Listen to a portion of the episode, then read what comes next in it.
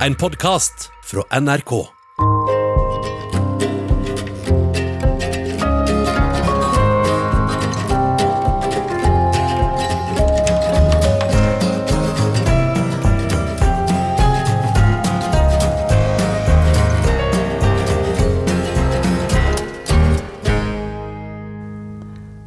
En januardag i 1985 ankom en ung kvinne flyplassen i Båtsfjord, et nordvendt fiskevær i Øst-Finnmark. Hun hadde runde hornbriller, stort krøllete hår og var student i sosialantropologi. Langs veien fra flyplassen og inn til bebyggelsen var det digre brøytekanter, og hun kunne skimte noen fabrikkbygg og kaianlegg. Havet var svart, det var allerede skumring. Solen nådde ennå ikke over horisonten. Hun kjente vinden svi mot kinnene. Det luktet hav og fisk. Jeg heter Marianne Lien, og i dag er jeg professor i sosialantropologi ved Universitetet i Oslo. I sommer i P2 skal jeg fortelle om mitt første feltarbeid.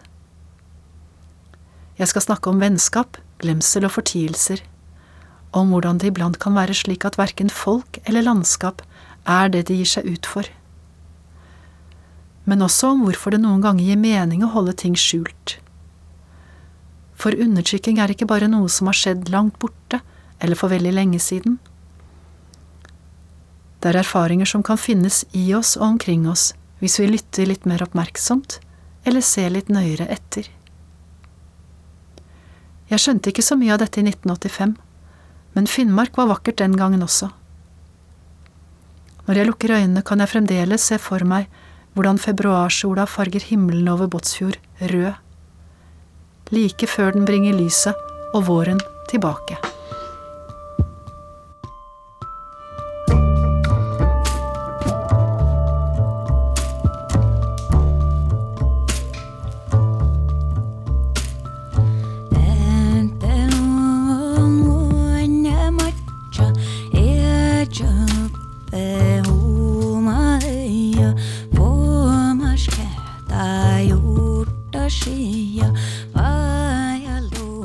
Det var tilfeldig at jeg havnet akkurat i Båtsfjord. Jeg hadde studert både antropologi og ernæring, og skjønt at ernæringsfolk visste masse om hva man burde spise, men veldig lite om hvorfor folk spiser som de gjør. Antropologer visste masse om folk i fremmede land, men fint lite om matvaner. I skjæringsfeltet mellom disse fagene ville jeg gjøre en forskjell. Målet mitt var ganske enkelt å finne ut hvorfor folk spiser som de gjør. Jeg kunne reist til Afrika. I Zambia fantes et prosjekt om ernæring som trengte en antropolog. Men jeg takket nei. Jeg visste at jeg aldri ville slippe unna min lyse hudfarge. Jeg ville alltid stemples som en av dem, en privilegert hvit kvinne, fra et fjerntliggende land i nord. Hvilket jeg jo også var. Jeg dro fram norgeskartet i stedet. Dra iallfall langt hjemmefra, sa veilederen min. Så for meg som var fra Asker, var Finnmark ganske langt unna. Jeg studerte kystlinjen på kartet, på leting etter et passende sted. Jeg ville i hvert fall ikke til et sånt fraflytningstruet fiskevær man kunne lese om i avisen. Jeg ville studere matvaner på et sted som var mest mulig vanlig. Dermed ble det Båtsfjord, med åtte fiskebruk og filetfabrikker, masse kvinnearbeidsplasser og en norsk kystbefolkning. Uberørt av fornorskningsprosessene som hadde preget de samiske områdene i nord. Det er nesten så jeg rødmer når jeg tenker tilbake. Så feil kan man ta. Men la oss få orden på geografien. Båtsfjord er et tettsted på nordkysten av Varangerhalvøya i Øst-Finnmark. Denne kysten som utgjør en nordøstlig ytterkant av både Norge og det europeiske kontinentet. Her, hvor Barentshavet i nord møter Varangerhalvøya i sør, bor det ganske få folk. Varangerhalvøya er et platå nesten uten trær, og for sjøringer som meg ligner det til forveksling på Hardangervidda. Men dette er Arktis, med en gjennomsnittstemperatur på under ti grader i juli måned. Like langt øst som Istanbul, like langt nord som nordlige Alaska. Før krigen bodde folk spredt langs denne kysten, og de bodde nært havet. Men etter hvert som veier og strømnett ble rullet ut i Finnmark, ble de små fiskeværene liggende i bakevja, mens tettsteder som Båtsfjord og Berlevåg vokste. Jeg visste ikke den gangen i 1985 at fiskarbønder i nord hadde fått såkalt fraflytningstilskudd for å forlate småbrukene sine og bosette seg mer sentralt. Jeg visste heller ikke at Båtsfjord slett ikke kommer av båt, men er avledet av det samiske ordet Bajavotna, et gårdsnavn som betyr bunnen av en fjord eller innerst i fjorden. Et språklig spor av samisk i et landskap som ellers framstilte seg selv som 100% norsk. På 1980-tallet var Båtsfjord Norges største fiskevær. Hver dag så vi trålere på vei ut eller inn fjorden for å losse fisk. Folk kom langveisfra for å jobbe her. Jeg talte 15 forskjellige nasjonaliteter, og barneskolen har i årenes løp hatt morsmålsundervisning på blant annet finsk, tamilsk og russisk. Men det var ingen tilbud på samisk, for det var nesten ingen samer i Båtsfjord. Det var i hvert fall det jeg ble fortalt. Så når den ene etter den andre sa at nei, ikke noe samisk i min slekt, så skrev jeg ned det i feltnotatene mine.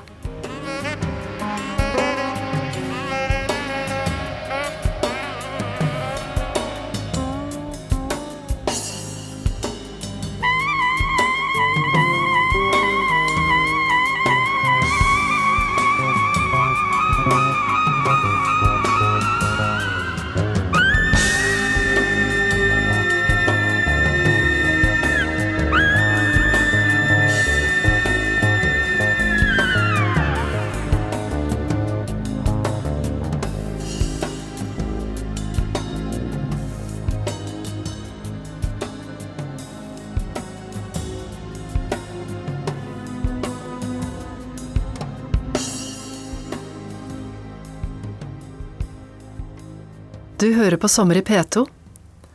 Jeg heter Marianne Lien og er sosialantropolog. I denne timen forteller jeg om mitt møte med fiskeværet Båtsfjord i Finnmark på 1980-tallet, og om hvorfor noen feltarbeid aldri slipper taket.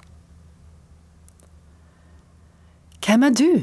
ropte ungene til hun nye dama som vandret gatelangs med skulderveske i all slags vær. De hørte straks at jeg var søring, akkurat som presten, tannlegen og legen. Ikke nødvendigvis en fordel for en ung antropolog, men ikke så vanskelig heller. Folk var åpne, imøtekommende og gjestfrie. Jeg spurte og grov om hva de spiste, hvor og når, og med hvem. Tråklet meg fram langs sosiale nettverk av dobbeltarbeidende husmødre med full jobb på fileten, men også med fulle frysere med hjemmebakte brød og multebær og blåbær og tyttebær og fiskekaker av fersk hysefilet. De fleste hadde minst to slike frysere, noen hadde fem. De visste godt om hva de andre drev på med. Hun er ei skikkelig kjempekjerring, sa de, og sendte meg videre til neste informant. Kjempekjerring, tenkte jeg. For et uttrykk. For en fantastisk måte å synliggjøre andre kvinners kompetanse. Ingen av mine venner sørpå var husmødre, ikke en eneste en. Fantes det virkelig et sted i verden der det å være husmor var noe å være stolt av? Feminismen hadde pekt ut husmødrene som samfunnets mest undertrykte. Ikke bare var de økonomisk avhengige av mannen sin, de var også uopplyste og forsto ikke hvor undertrykket de egentlig var. Fantes det en annen fortelling? Jeg husker ikke lenger hvordan jeg traff Vibeke, men jeg husker kjøkkenbenken hennes i Festningsveien. Der bakte vi tynnlefser og smurte dem med revet brunost og smør. Vi saltet torsk og pinnekjøtt og lagde hundrevis av fiskekaker i slengen. Vi kokte poteter, stekte sei og raspet gulrøtter til mannen hennes kom hjem til middag. En familie på fire som rett som det var ble fem, på grunn av hun de kalte hushjelpa, altså meg. Jeg fikk fast plass ved middagsbordet. Ved kjøkkenbordet drakk vi kaffe om formiddagen. Respatex-bordet var så lite at knærne våre skubbet inntil hverandre der vi satt, på hver vår stålkrakk med rødt vinyltrekk. Vibeke var snaut fem år eldre enn meg, men livet hennes var helt annerledes enn mitt. Jeg var barnløs, frilansjournalist og student. Hun var tobarnsmor med husmorskole. Vi var begge nysgjerrige, og nå, 35 år senere, er det Vibeke jeg helst ringer om kvelden, bare for å skravle og tulle og le. Eller når livet er vanskelig og det er tid for å være ærlig og helt alvorlig. Vibeke vokste opp på et sauebruk i Syltefjord. Det går vei dit fra Båtsfjord om sommeren, om vinteren er det skuterløype. I dag er det ikke lenger noen fastboende i Syltefjord, men husene står fremdeles. Jeg husker vi reiste over ganske ofte, sammen med Bjarne og Anna, Vibekes foreldre. Jeg skjønte ikke helt hvorfor vi dro dit, egentlig. Det var jo bare et tomt hus. Nå tenker jeg at Bjarne og Anna lengtet tilbake. For selv om de hadde fått en fin pensjonistbolig i Båtsfjord, så var det nok Syltefjord som var hjemme for dem. Anna kokte kaffe og fylte på en diger termos. Vibeke pakket røkelaks og hjemmebakt brød og multebær, og noen ganger suksessterte. Vi kjørte over fjellet, dekket bordet, og så spiste vi, og så dro vi tilbake til Båtsfjord igjen. Multer var det gjeveste. Multer er for Herrens utvalgte og verdig trengende, sier Vibeke ofte når hun setter fram en skål med disse gyllenrøde bærene som smaker sol selv når de kommer rett fra fryseren. Multer var sjelden til salgs. Fryseboksen i Båtsfjord forteller om et samfunn der mat flyter på kryss og tvers mellom folk, og der vennskap, slekt og forretningsforbindelser glir over i hverandre. Min eldste informant, Helga, var enke etter en fisker. De første årene etter at hun giftet seg, bodde hun ute ved Makkaur fyr, der husene klorte seg fast mellom steiner og ørsmå jordflekker, med værharde Barentshavet rett utenfor. Helgas liv hadde nok vært hardt, men nå nøt hun å sitte ved kjøkkenvinduet sitt i Båtsfjord og bare se folk gå forbi. Siste gang vi møttes var hun nokså skral. Da jeg skulle gå, skjøv hun seg bort til fryseren med gåstolen, og fant som vanlig fram en pakke multer som jeg kunne ha med hjem til Oslo. Jeg nølte. Helga hadde åpenbart ikke plukket multene selv. Jeg lurte på hvor mye multer hun egentlig hadde igjen i fryseren. Men jeg visste også at Helgas verdighet handler om å være den som gir den fineste gaven. Heldigvis takket jeg ja.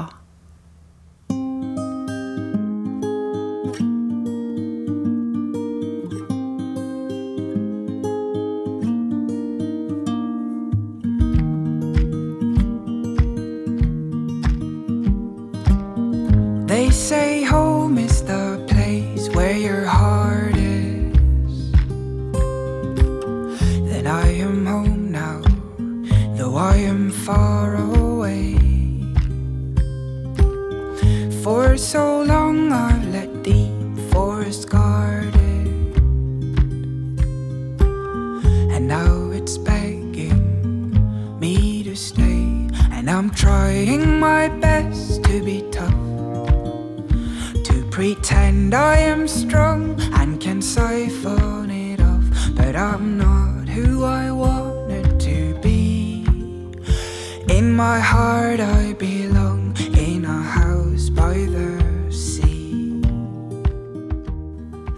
Feltarbeidet i Båtsfjord var over, og jeg reiste hjem til Oslo. Men vennskapet med Vibeke fortsatte. En dag ba hun meg stikke en tur til Fornebu. Det var fremdeles flyplass der. Jeg kunne hente en pakke på bagasjebåndet, en frysebag med mitt navn. Og ganske riktig, på rullebåndet sto den blomstrete frysebagen til Vibeke, mutters alene, med tydelig navnelapp. Den hadde reist helt fra Båtsfjord, skiftet fly i Kirkenes, og nå var den her. Mye raskere enn posten, og billigere også. Bagen var fylt med frossen hysefilet, lodderogn og multer. Noen måneder senere fylte jeg den igjen, med epler fra en hage i Oslo, plasserte den på bagasjebåndet på Fornebu, merket den med Vibeke sitt navn og destinasjon Båtsfjord. Og forunderlig nok kom den fram denne gangen også. Slik holdt vi på med fisk og bær sørover og frukt og grønnsaker nordover. Det var ingen som sjekket bagasje mot passasjerer den gangen. Jeg tror det var på denne tiden at jeg bestemte meg for å slutte helt å gjøre feltarbeid i Båtsfjord. Vennskapet med Vibeke var blitt viktigere. Hun var fadder da jeg ble mor for første gang, og vi tok med babyen nordover på besøk. Og da Vibekes barn etter hvert ble eldre og reiste sørover alene, overnattet de ofte hos oss. Det var fint å ha sånn tett kontakt. Men det ble stadig vanskeligere å samtidig ta notater og observere. Jeg ville bare slappe av og være meg selv. Vennskapet med Vibeke var viktigere enn fag. En høstdag fikk jeg en vond beskjed. Vibekes mor var blitt alvorlig syk. Det ble et kort sykeleie, og Anna døde, bare 63 år gammel. Hun var en klok dame. Jeg skulle ønske jeg hadde kjent henne lenger. Kort tid etter at Anna var død, fortalte Vibeke meg at moren var samisk. Det overrasket meg. Jeg hadde aldri hørt om dette før. Men Vibeke selv hadde visst at moren forsto samisk siden hun var i slutten av tenårene. Annas brødre snakket samisk seg imellom. En dag oppdaget Vibeke at moren skjønte hva onklene snakket om. Da Vibeke spurte, bekreftet moren at hun forsto samisk, men sa at hun ikke lenger snakket samisk selv. Mer syntes ikke Anna at det var nødvendig å si om den saken. Men selv om Anna var taus, forsto Vibeke etter hvert mer av morens historie. Brikker har falt på plass litt etter litt. Anna kom fra en sjøsamisk familie på Stjernøya i Vest-Finnmark. Mot slutten av annen verdenskrig ble befolkningen i Finnmark tvangsevakuert av tyskerne. Husdyr ble slaktet, og hus, fjøs og andre bygninger ble stort sett brent. Men det var mange finnmarkinger som nektet å reise, og spesielt i samiske områder. Annas familie ble huleboere på Sørøya. I likhet med mange hundre andre finnmarkinger overvintret hun vinteren 1944–45 i kulde, matmangel og med tyske reid og henrettelser. Denne vinteren kan ha vært siste gang hun snakket samisk. Våren 1945 ble Anna fraktet til Båtsfjord med båt, og senere til Porsangermoen, der hun fikk jobb for Forsvaret. Her traff hun en familie fra Sandefjord som tok henne med sørover. Etter et par år sørpå hadde Anna visket ut ethvert snev av samisk aksent. Da hun kom tilbake til Øst-Finnmark og giftet seg med Bjarne, så framsto hun ikke lenger som samisk. Hun var blitt norsk, og det samiske morsmålet skjulte hun så godt hun kunne, også for de to døtrene. Annas historie er ikke unik. Hun er en av veldig mange finnmarkinger med samisk eller kvensk bakgrunn som i kjølvannet av krigens ødeleggelser vendte tilbake til et nytt liv som norsk. Fornorskningspolitikken hadde allerede herjet lenge i nord. Den fortalte samisk ungdom at de var feil og mindre verdt enn sine norske sambygdinger. Etter krigen var alt forandret. Gammer var brent, eiendeler var gått tapt. Annas generasjon skulle skape seg et nytt liv i ruinene av det som hadde vært. Var gjenreisningen av Finnmark også en ny mulighet? En mulighet til å bli en helt annen enn den man hadde vært? Dette skulle jeg gjerne snakket med Anne om. Jeg spør i stedet Vibeke om hvorfor hun tror at moren ikke ville røpe at hun snakket samisk. Vibeke vet ikke sikkert, men hun tror at det kan ha vært en slags beskyttelse fra morens side. Hun husker en gang jentene på skoleinternatet ertet henne fordi hun hadde brune øyne og så samisk ut, de kalte henne same. Men Vibeke skreik og protesterte. For hun var jo ikke samisk, det var hun helt sikker på.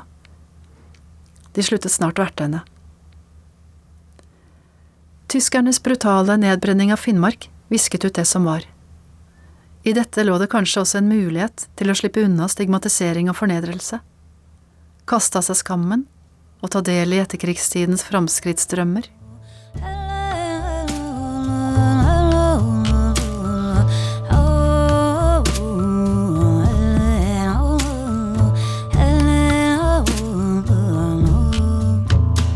I am traveling again with my space machine. I think this time I will stay inside. I like that I don't feel like I'm a stranger here. Before I go, I will say goodbye. And then I call to you. Cause I remember you. Cause we have touched the skies And you are in my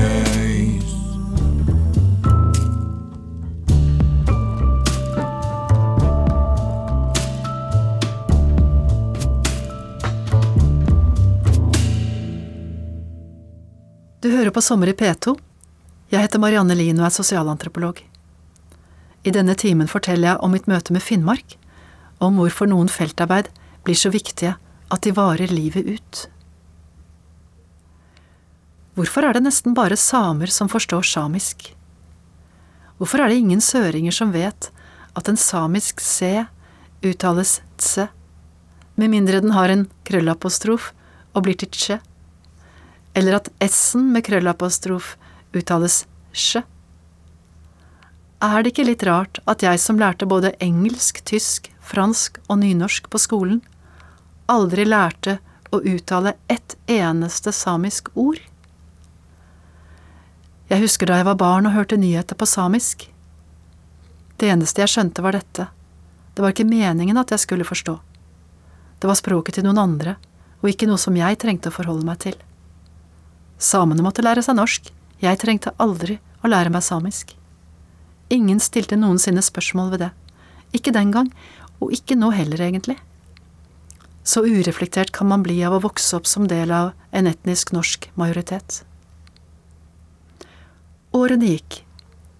Jeg begynte å jobbe med naturoppfatninger, landskap og kolonisering på den andre siden av kloden. Jeg gjorde feltarbeid på Tasmania, som er en del av Australia, men også på Tysnes i Hordaland.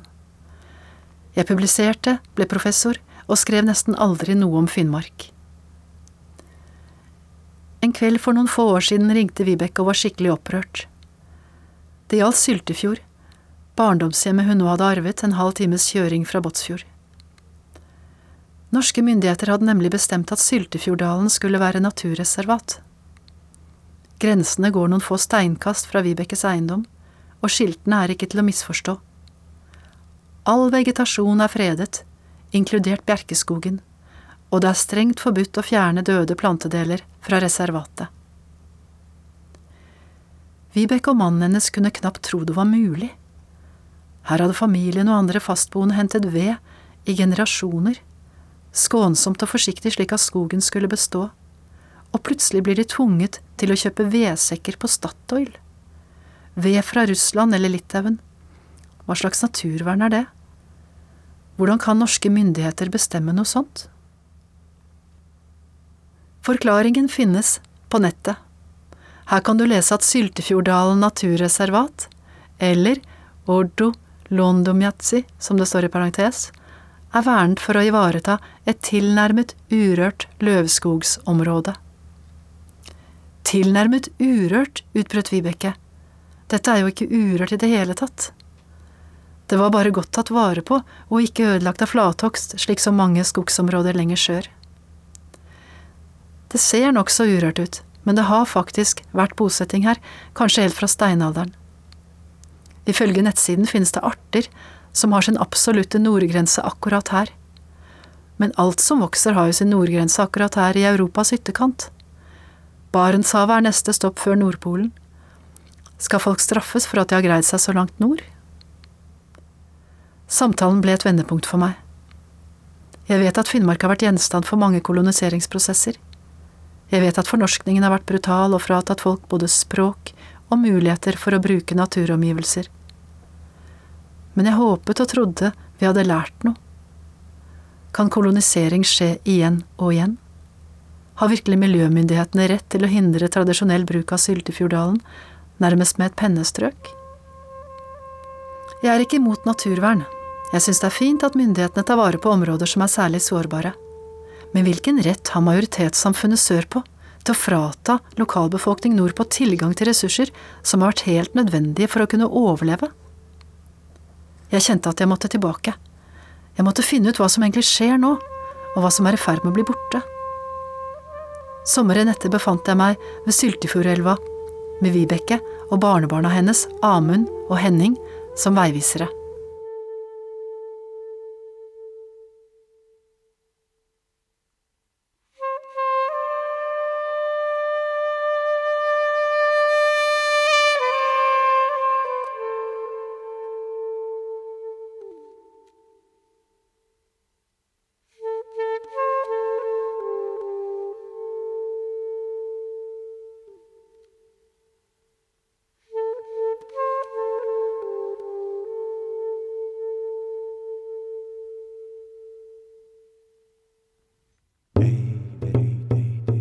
For en glede å være tilbake. Og for noen fine veivisere langsmed stien. Amund, som er eldst, går foran. Henning går bak og leier Vibeke. Og så kommer jeg. Stien smaler ned mot Syltefjordelva og blir en stadig mer ugjennomtrengelig labyrint av tørre vier og bjerkestammer. På 80-tallet var det sauer her, saftig gress og åpent lende. Jeg gikk her den gangen også, og jeg fisket laks, og det er som om tidene smelter sammen mens landskapet forandres. Nå må vi gå litt opp i høyden for å få oversikt. Her oppe fra blir Elvedalen gjenkjennelig for Vibeke, og hun kan se hvor utmarksslåttene var da hun var barn. Midt inne i naturreservatet peker hun ut steder der folk pleide å hente vinterfôr til dyra. Trinastøkket, O. Olsastøkket og Gydaholmen er bare tre av mange slike utmarksslåtter som fantes her i Syltefjorddalen, og som aldri ble tegnet inn på noe kart. Vibeke peker, og jeg noterer. Og blant røsling og krøkebær viser hun meg en slette. Dette er moen som faren min pløyde opp da jeg var barn, sier Vibeke. Pløyde, spør jeg forundret men det burde jeg kanskje ha skjønt. For inne på låven som hører til barndomshjemmet hennes i Syltefjord, sto det jo fremdeles en gammel traktor, en Massey Ferguson som ble kjøpt inn i 1958. Samme kveld oppdager jeg en plog. Den står liksom halvveis nedgrodd på enga bakom huset, blant blåklokker og hundekjeks. Tilfeldig parkert som om noen avsluttet arbeidet en dag, og så glemte at den fantes. Den må ha stått her hele tiden. Rødmalingen skaller av, plogbladene har rustet, og jeg lurer på hvor mye annet jeg heller ikke har sett. Er det bare meg som er så utrolig uoppmerksom og uinteressert i landbruksmaskiner? Eller er det sånn forskning er, at vi ser bare det vi forventer å se, eller det vi begeistres av, mens det tause, halvveis glemte og forgjengelige går oss hus forbi? Er det slik at man nærmest må snuble over en nedgrodd plog for å bli oppmerksom på hvordan folk har levd? Et nytt forskningsprosjekt begynner så smått å ta form de neste ukene, og jeg skjønner at jeg må bevege meg på kryss og tvers mellom kyst og innland og mellom samisk og norsk. Jeg må undersøke bruken av landskapet i dag, men også arkiver og historiske kilder. Noen dager senere sitter jeg på kommunehuset i Tana. Jeg har fått lov å gå gjennom en gammel arkivboks med søknader fra bønder som ville dyrke jorda akkurat som Bjarne, Vibekes far. De eldste er fra 1947, etter krigen, etter nedbrenningen av Finnmark. Sirlig håndskrevne forklaringer om hvordan småbønder langs Tanaelva planlegger å benytte statstilskudd til jorddyrking. Man kunne motta tilskudd på 50 kroner per dekar for å bryte stubber og stein, og 25 kroner per dekar for rydding og planering. Man fikk også tilskudd for å kjøpe kunstgjødsel og kalk. Det er tydelig at norske landbruksmyndigheter synes dette var viktig. De ville dyrke opp Finnmark, uansett hvor skrint det var. Og folk ville tydeligvis bli bønder. I løpet av de første tiårene etter krigen blir stadig mer varangerjord lagt under plogen. Jeg lurer på hvor mye av fornorskningsprosessene som skjedde gjennom jorda og gjennom plogen. Handler kolonisering i virkeligheten om å skape helt nye drømmer? Var det kanskje det som skulle til for å viske ut det samiske en gang for alle? Gi folk nok kunstgjødsel og kalk? På vei tilbake fra Tana kjører jeg forbi slitne femtitallslåver, der enger og slåttemark er i ferd med å gro igjen. Drømmene fra disse bøndene har et stadig sterkere krav om inntjening og økonomisk vekst. Det er nesten umulig å greie seg som bonde på Varangerhalvøya i dag. Jeg kjører ut mot kysten, over Båtsfjordfjellet, forbi reingjerder og reinflokker som nå er under press, fra naturforvaltning, men også fra vindkraftutbygging, turisme, hyttebygging og gruvedrift. Jeg tenker på hvordan lag på lag av historie kan skjules der engene gror igjen. Først skjules de samiske sporene, av plogfurer, kunstgjødsel og timotei. Så skjules dette jordbruksarbeidet enda en gang, bak skilt om sårbar natur og urørte landskapsområder.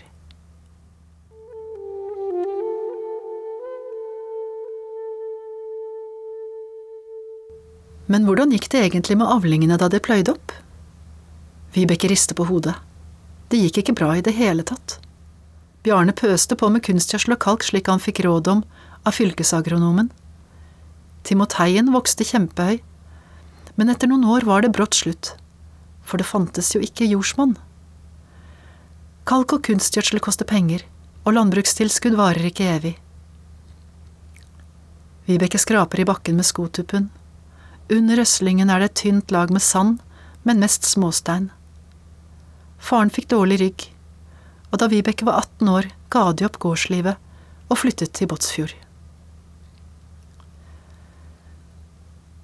Da jeg studerte antropologi, lærte jeg at etnisk identitet handler om hvordan folkegrupper markerer sin egenart i møte med andre. Her på kysten av Øst-Finnmark har innbyggerne hatt forbindelser til mange slags folk. De har snakket flere språk og hatt flere ferdigheter å spille på. De brukte landskapet på mange måter og utnyttet alt som var. Ikke rart at folk i Båtsfjord hadde mange frysebokser. Naturomgivelsene var også matfatet og en form for beredskap. Men stadig flere måtte velge.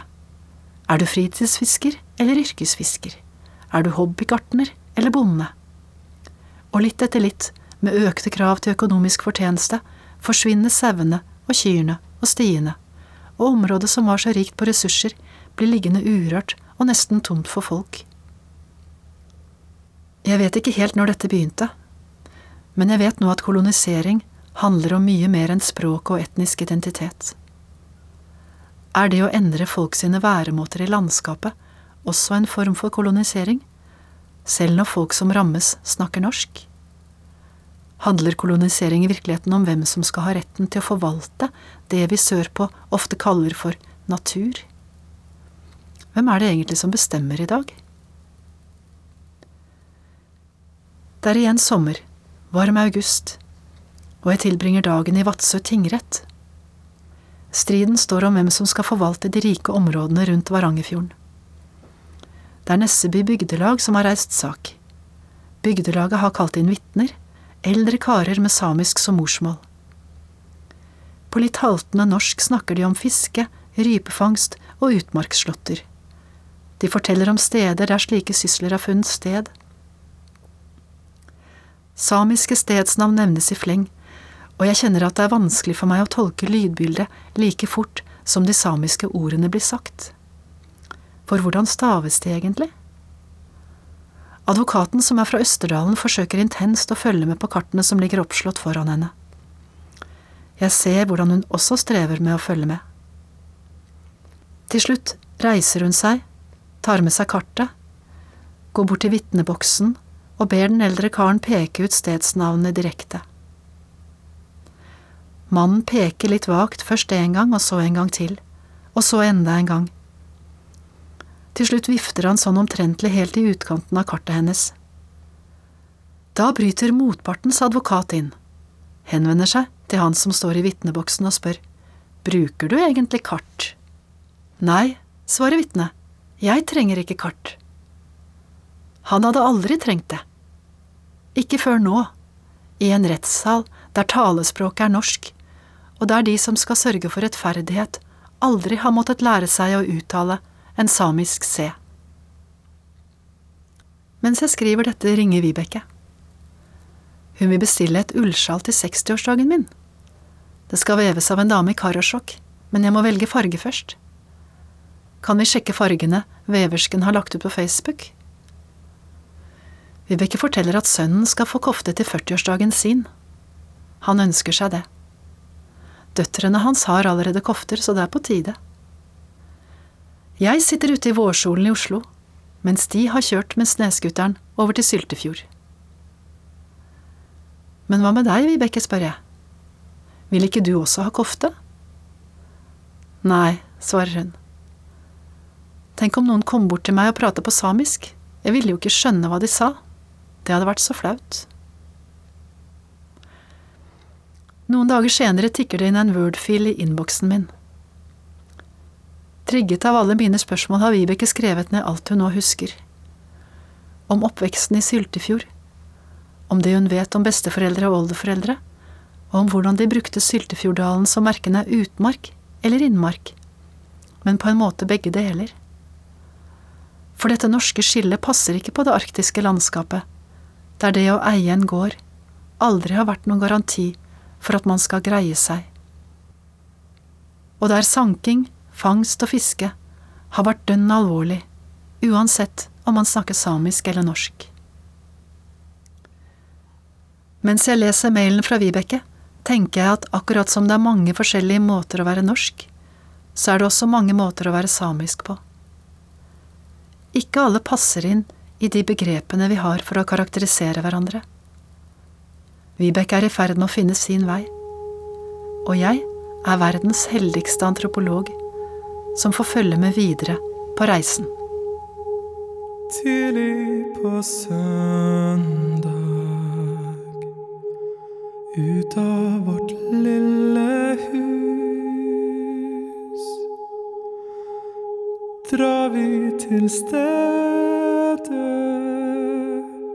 der vi går en tur. Ser vi havet